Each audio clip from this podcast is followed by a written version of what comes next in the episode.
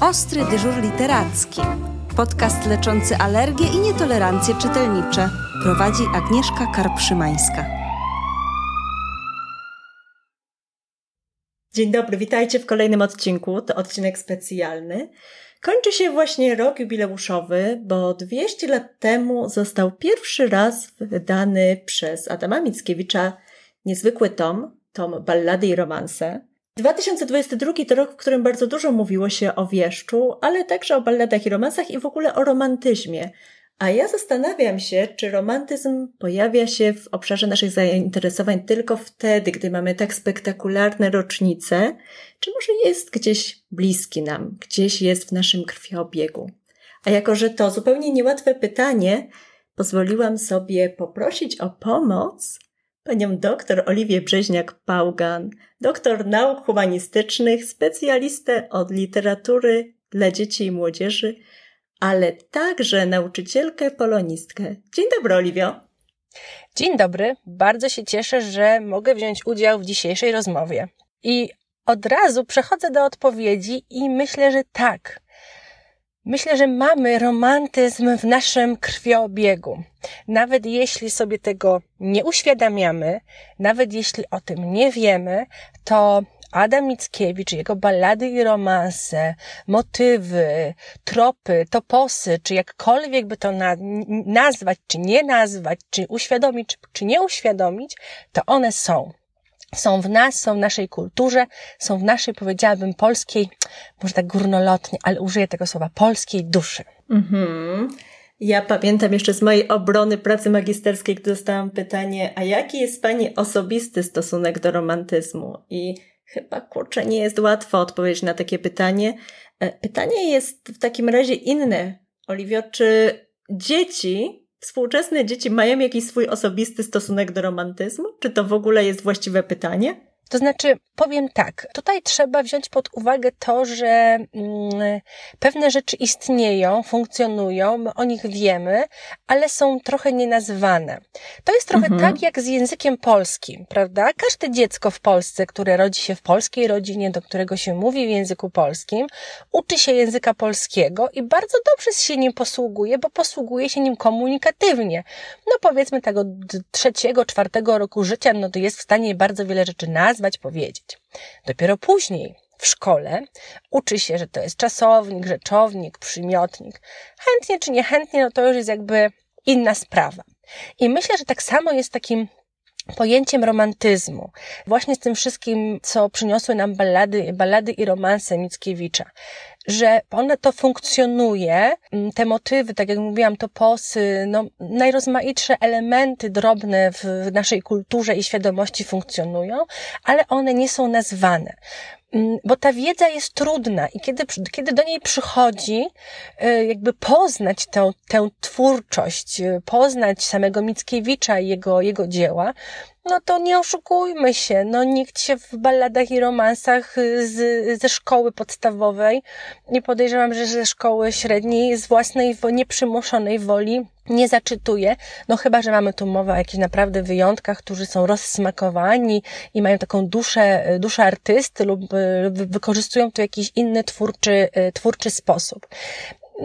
Dlaczego? Dlatego, że no, dzieli nas 200 lat, jest to bardzo długo, to jest problem języka, mm, zupełnie innej kultury, otoczki, wiedzy i no, to jest po prostu trudne dla, dla współczesnych dzieci, dla współczesnej młodzieży. Ale nie zmienia to faktu, że te, te motywy funkcjonują i gdzieś są w tej, tej świadomości nawet nieuświadomione. Trochę, trochę to zamotałam, ale mam nadzieję, że y, y, y, są świadomości nieuświadomione. No to nie jest najlepsze zdanie, ale myślę, że Państwo rozumieją, o co mi chodzi, że one mimo tego, że są nienazwane, funkcjonują. O, tak chyba lepiej nazwałam tą myśl. To było takie zdanie, które bardzo pasowało do samej istoty romantyzmu. A ja chciałam nawiązać do tego, że mm, trudno jest pracować z tego typu utworami. E, Fundacja Czas Dzieci starała się przybliżyć w tym roku klimat idei romantyzmu i w taki bardzo niestandardowy sposób to robiła, bo najpierw przygotowaliśmy scenariusze zajęć, scenariusze lekcji, ale nie tylko, bo właściwie to były takie zajęcia, które mogły odbywać się w bibliotece, mogły odbywać się w świetlicy, mogły też się odbywać jako zabawy wśród rówieśników różnego rodzaju. No i my staraliśmy się bardzo mocno przybliżyć ballady i romanse, ale też samą postać Mickiewicza e, współczesnemu młodemu człowiekowi właśnie przez pryzmat jego doświadczeń, czyli na przykład było zadanie, jakby to było, gdyby Mickiewicz teraz żył, w dodatku podróżował, bo on bardzo wiele podróżował. I czy miałby swojego własnego Instagrama? Jakby ten Instagram wyglądał? Dzieci miały zaprojektować taką tablicę chociażby. Myślę, że, myślę, że Instagram Mickiewicza byłby bardzo, bardzo barwny. Mickiewicz bardzo wiele podróżował, miał bardzo bar, barwne życie. No tak w skrócie mówi się o romantykach, że oni umierali młodo, prawda? Ale dlaczego umierali młodo? Bo też to ich życie było takie bardzo mocne, bardzo takie z wieloma doświadczeniami. To życie właśnie tak czerpali z niego pełnymi garściami. Więc myślę, że ten Instagram, no podróże, no po całej Europie, no i nie tylko, prawda, bo, bo sięgały na przykład też w, w głąb y, no, do tej Rosji, takie powiedziałabym nawet egzotyczne dla nas już też rejony, najrozmaitsze zainteresowania, bo przecież Mickiewicz zajmował się bardzo wieloma rzeczami, no nie tylko tworzył, ale wykładał, zajmował się, um, starał się wspomóc walkę Polski o niepodległość, próbował sformować um, oddziały, które by pomogły w walce, chciał brać udział czynny w walce, no myślę, że że jego życie naprawdę byłoby bardzo interesujące współcześnie. Hmm. Dzieli nas od niego wiele lat, a jednocześnie cytaty Mickiewicza, jak okazało się właśnie po tych naszych różnych fundacyjnych aktywnościach, świetnie nadawałyby się nawet na koszulki. I młodzi ludzie z przyjemnością nosiliby właśnie takie koszulki zaprojektowane współcześnie, ze współczesną typografią, ale na przykład z takimi hasłami jak miej serce i patrzaj w serce. One chyba nie stracimy na aktualności, prawda? No bo arcydzieła nie tracą na aktualności. Arcydzieła być może trzeba spojrzeć na nie troszkę inaczej, może trzeba je osadzić w innym kontekście, właśnie już nie może na pomniku, a na koszulce.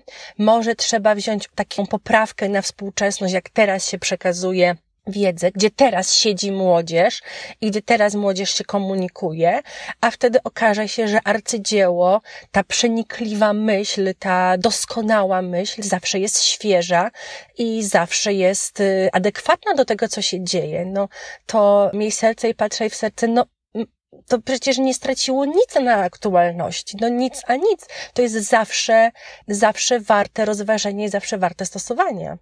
Hmm, gdy y, zaczynamy tak wnikliwie czytać ballady i romanse, okazuje się, że takich cytatów jest znacznie więcej i młodzież, która z nami pracowała, miała ogromną satysfakcję z tego, że znajdowała właśnie takie perełki. E, zrealizowaliśmy też wystawę, wystawę niezwykłą, bo y, wystawę współczesną, która jednak interpretowała w sposób artystyczny ballady i romanse. Mówię w tym momencie o ilustracjach Marianny Sztymy.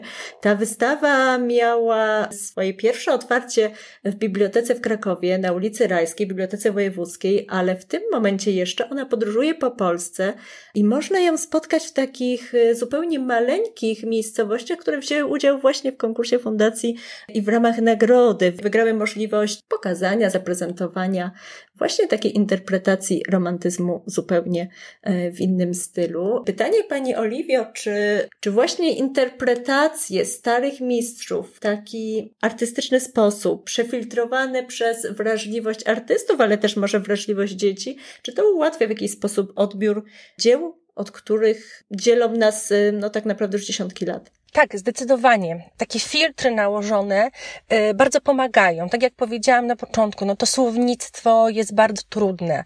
Ono jest oddalone, zupełnie inny kontekst. Więc taki y, trochę jak na zdjęcie, y, które jest, prawda, zniszczone, które jest y, stare, które jest być może nieczytelne, nałożymy nową warstwę, odkurzymy ją, y, podkoloryzujemy niektóre elementy, być może dorysujemy elementy, które gdzieś się zatarły albo uwypuklimy coś, co zostało już mm, niewidzialne przez, przez czas, bardzo nam pomagają. Tak jak takie zdjęcie, powiedzmy, wyretuszowane, poprawione, naprawione, które zostało zniszczone przez ząb czasu, lepiej się ogląda.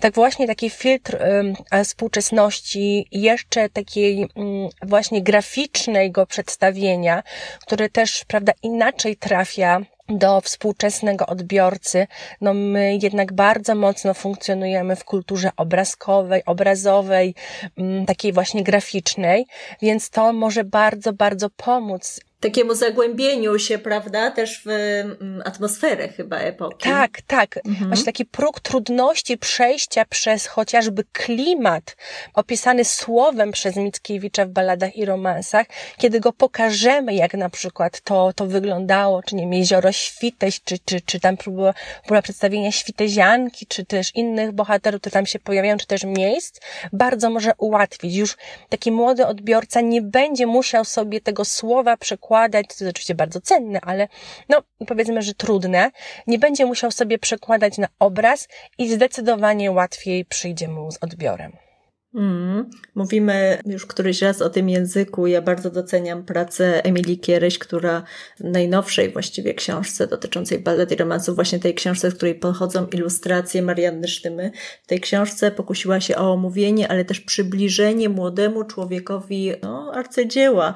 E, ona właściwie dokonała pewnego y, takiej deszyfrozacji właściwie tych y, słów, które nie są oczywiste dla młodego człowieka, y, wyjaśniła wszystkie zawiłości językowe i zrobiła omówienie, które może przybliżyć dzieło Adama Mickiewicza współczesnemu młodemu człowiekowi. I gdy to wszystko uprościła, okazało się, że ballady i romanse są o miłości, o stracie, o tęsknocie, Czyli tak naprawdę znajdują się tam tematy absolutnie uniwersalne, prawda?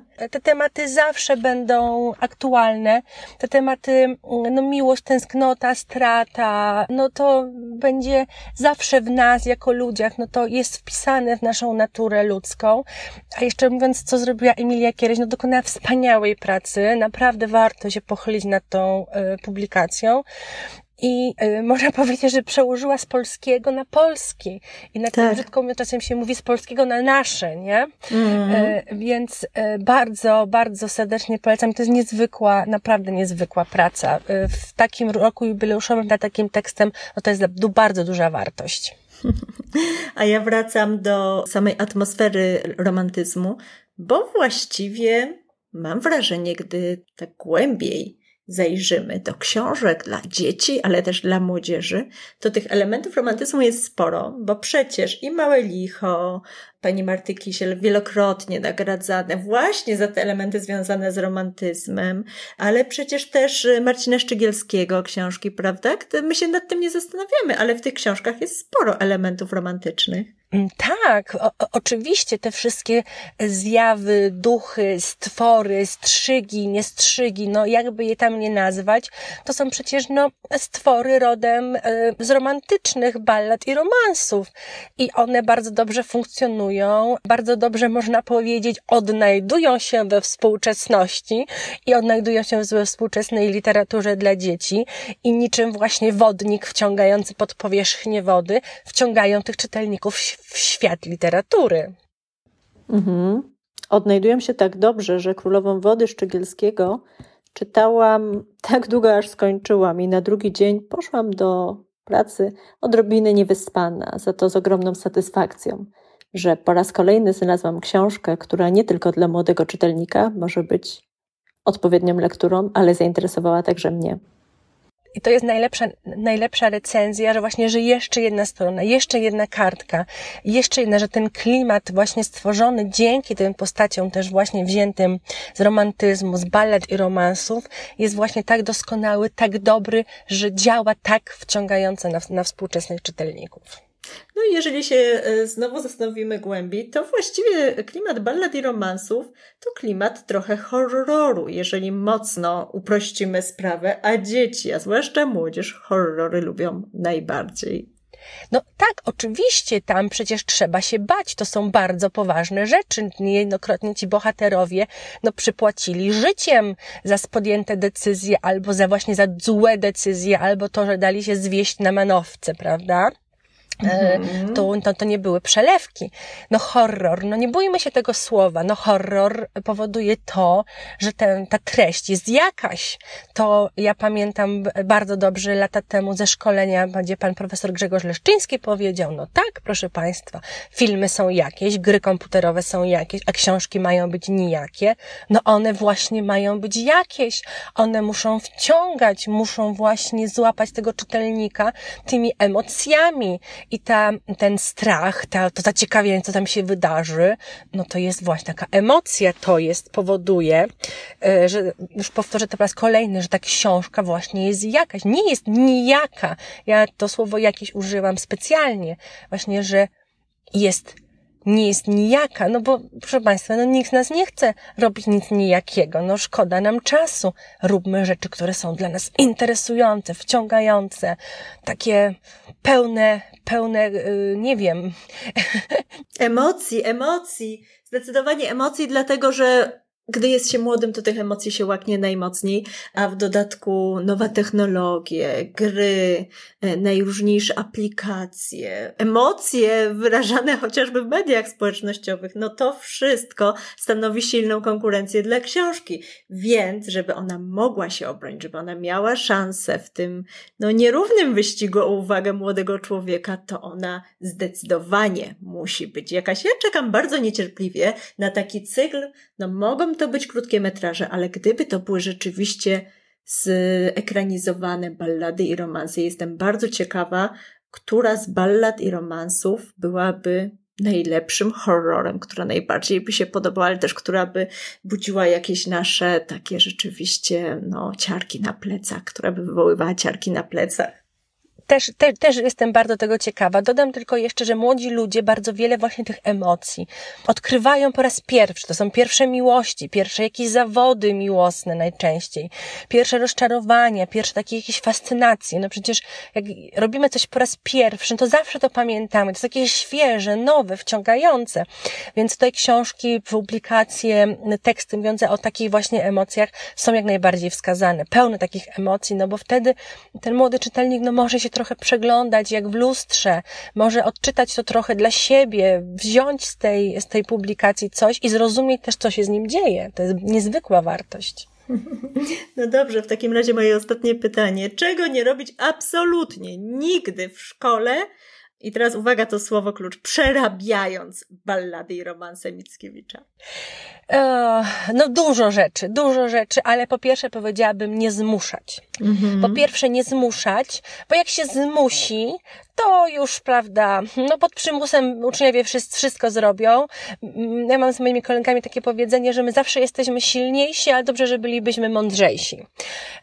Więc mądrością nauczycielską znaleźć właśnie haczyk, czy właśnie grafikę, czy uwspółcześniony tekst.